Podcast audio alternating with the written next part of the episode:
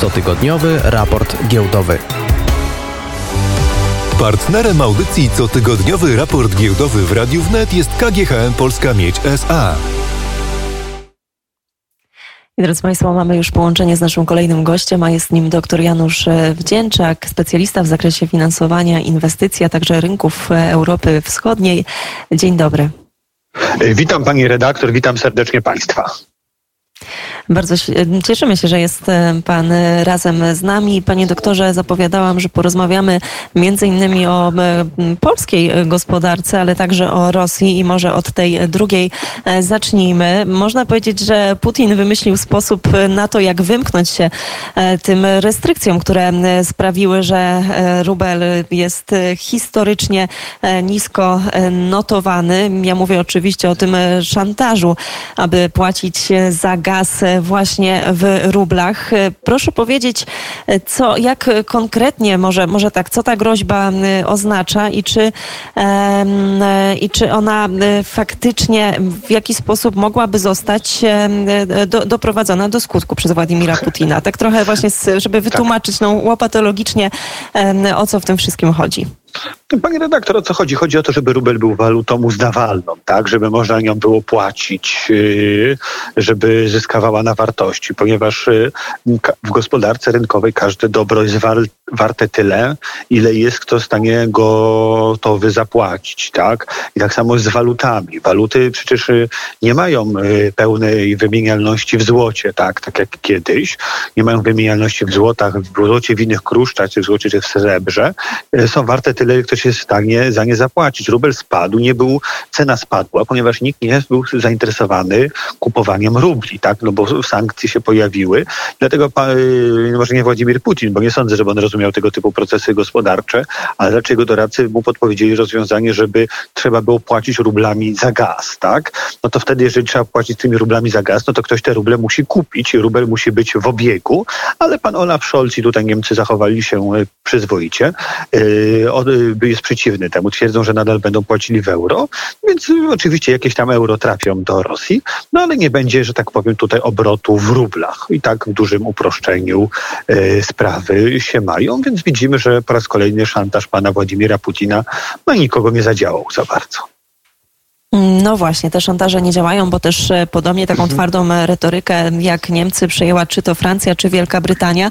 No ale cały czas e, ta groźba przerwania mhm. dostaw, tego słynnego już zakręcania kurka nad nami wisi. Jeżeli to doszłoby do skutku, w jaki sposób to może przełożyć się i będzie odczuwalne na przykład przez, no, przez Polskę, przez przeciętnego tak. mieszkańca Polski? Panie redaktor, po raz kolejny o tym rozmawiamy, ale bardzo dobrze, bo to trzeba bardzo jasno i bardzo wyraźnie pokazywać. Yy, oczywiście, jeżeli pan Władimir Putin zdecydowałby się zakręcić ten kurek i odciąć Europę od gazu, to Europę to w pewien sposób zaboli gospodarczo, tak? Yy, ponieważ yy, będziemy mieli wtedy mniej gazu, będziemy go musieli sprowadzać o wiele droższy innymi źródłami. Ale szanowni państwo, no, Europa i Polska nie opierają się tylko na gazie i na ropie, a za, ale Rosji, tak? A za to Rosja opiera się prawie i wyłącznie gospodarczo na e, eksporcie ropy i gazu. Ponad 60% rosyjskiego e, PKB pochodzi z eksportu e, surowców energetycznych. Dlatego, mówiąc wprost, Polska i inne kraje Unii Europejskiej trochę by to zabolało, trochę albo bardzo musielibyśmy wtedy zapłacić za więcej, no ale państwo rosyjskie gospodarczo byłoby bliskie już nie bankructwu nawet, tylko upadkowi tak? E, więc mm, dlatego możemy trochę przymknąć oko na tego rodzaju groźby. No pytanie, czy pan Władimir Putin chce 60%, że tak powiem, przychodów dużym, może w takim dużym uproszczeniu, bo to nie są do końca przychody, ale o, można powiedzieć, że 60% przychodów swojej gospodarki zabrać. E, czy panie doktorze, aby na pewno jest tak, że te sankcje, które no na pewno w sposób mocny mhm. dotykają gospodarkę rosyjską, to czy one faktycznie są w stanie No po prostu ją tak zdusić. Ja tutaj przypominam sobie jeden z ostatnich wywiadów prezydenta Ukrainy Wołodymyra Zeleńskiego. Taka frustracja wybrzmiewała z tych wypowiedzi. On mówił tam między innymi o takiej reaktywnej naturze e, sankcji, bo jak e, powiedział, one są tak skonstruowane, że raczej mają tylko ukarać Rosję za to, co zrobiła, ale nie zapobiegną e, temu, by poszła dalej. I tutaj chociażby przywołał na przykład te bardzo głośne sankcje, na które tyle czekaliśmy, czyli chodzi o, o odcięcie od tego systemu SWIFT, a okazało się, że e, to nie dotknęło Sierbanku, czyli największego e, rosyjskiego banku. Cały czas przechodzą przez niego płatności zachodnich państw właśnie za rosyjski gaz. Panie redaktor, trudno mi powiedzieć o konkretnym przykładzie tutaj, tak, o tego banku. Zbadam to oczywiście, bo to jest bardzo ciekawe, co pani mówiła.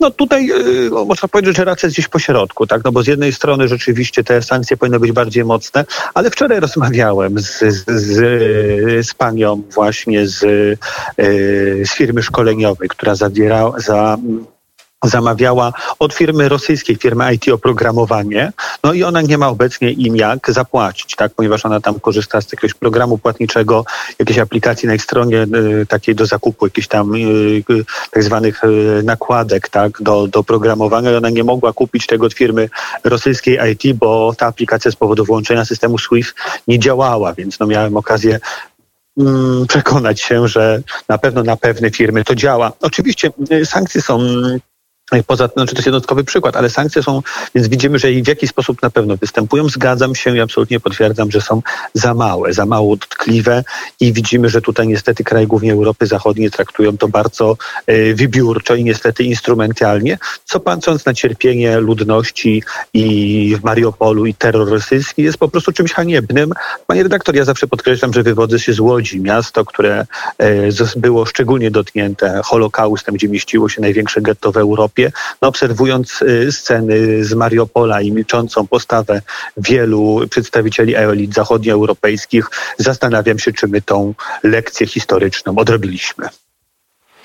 I to już nawet nie tylko oglądając te zdjęcia ogromnej klęski humanitarnej, czy to w Mariupolu, czy w Chersoniu, chociaż tam mhm. akurat sytuacja jest nieco lepsza, no to też niestety takie dramatyczne doniesienia po prostu o przymusowych wywózkach, o deportacji e, części mieszkańców, czy z obwodu ługańskiego, czy donieckiego i no i już pojawiają się informacje, które są także potwierdzane przez e, przecież mhm. i panią rzecznik ukraińskiego rządu, między innymi że ludzie są po prostu wywożeni do pracy przymusową, do obozów koncentracyjnych, gdzieś w głąb, e, w głąb Rosji. Nie ma z nimi kontaktu, więc to też jest trochę, skoro kiedy powiedział pan o tej lekcji historii, to od razu e, właśnie te ostatnie dramatyczne informacje przychodzą mi do głowy. Panie redaktor, no jak najbardziej widzimy, że to jest w ogóle problem nie jest ekonomiczny, ale ja jestem również magistrem historii, więc w jakiś tam sposób mogę się wypowiedzieć. Nie rozumiem tego absolutnie, tak? Nie rozumiem tego, y, ponieważ mieliśmy w 2015 w ramach y, kryzysu tego tak zwanego imigracyjnego, kiedy, y, no mówię, no każde życie ludzkie oczywiście jest cenne tak samo, ale kiedy względnie młodzi mężczyźni z jakichś krajów właśnie nieobjętych zupełnie wojną próbowali przedostać się często do Europy, no to by bardzo wiele środowisk podnosiło niesamowite larum, tak, w ich obronie, a w momencie, kiedy y, dokonuje się właśnie to, co pani powiedziała, powstają na nowo obozy, może nie koncentracyjne, ale, ale obozy pracy, tak, bo to bardziej odwołuje się do gułagów.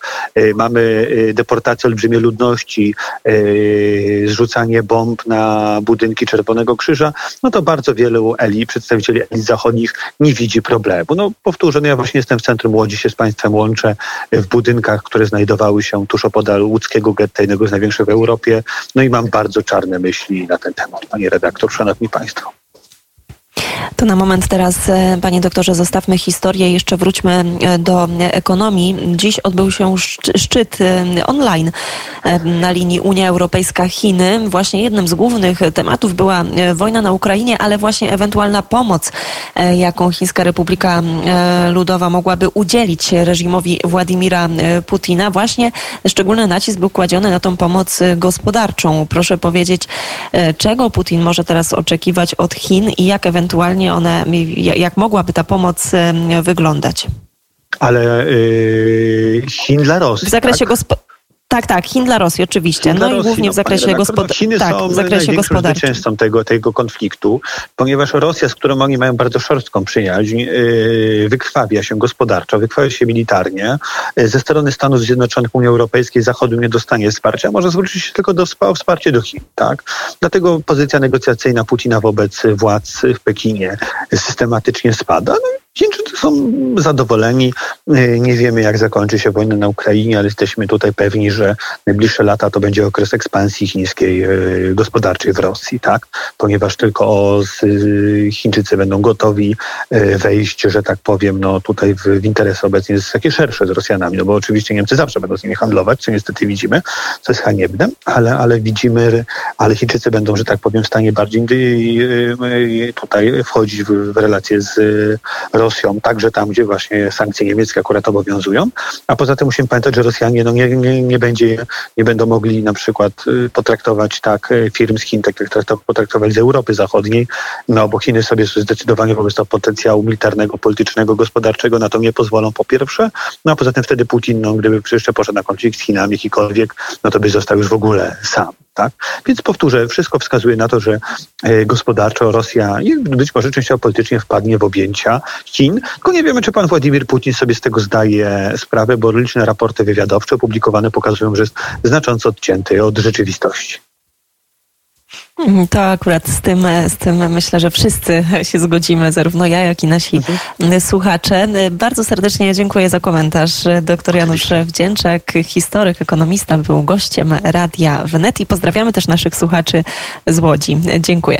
Dziękuję bardzo i trzymajmy kciuki za wolną Ukrainę. Dziękuję państwu bardzo.